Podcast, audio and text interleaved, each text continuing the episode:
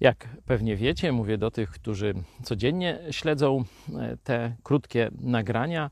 Jesteśmy na obozie chrześcijańskim i studiujemy list do Hebrajczyków. Dzisiaj czwarty rozdział i tam takie mocne uderzenie.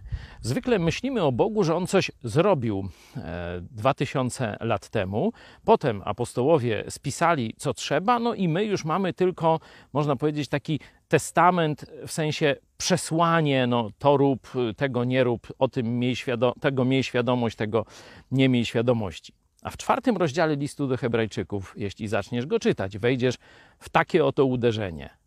Dzisiaj, gdy głos Jego usłyszycie, nie zatwardzajcie serc waszych. I jest to stwierdzone do chrześcijan. Oczywiście w dalekim e, jakimś zastosowaniu, jeśli jeszcze nie znasz Jezusa, no to uświadom sobie, że On dzisiaj stoi i kołacze do twojego serca, ale przede wszystkim ten, ja mówię dzisiaj i ten tekst mówi do wierzących, którzy zobojętnieli na y, przeżywanie bliskiej relacji z Bogiem. Ta bliska relacja z Bogiem w liście do Hebrajczyków nazwana jest odpocznieniem, czyli no, najwyższym wyrazem przyjemności, jaką, jakiej możesz tu na ziemi doświadczać, jeśli ze szczerym zaufaniem każdego dnia będziesz podchodził do Boga. Mówię do chrześcijan.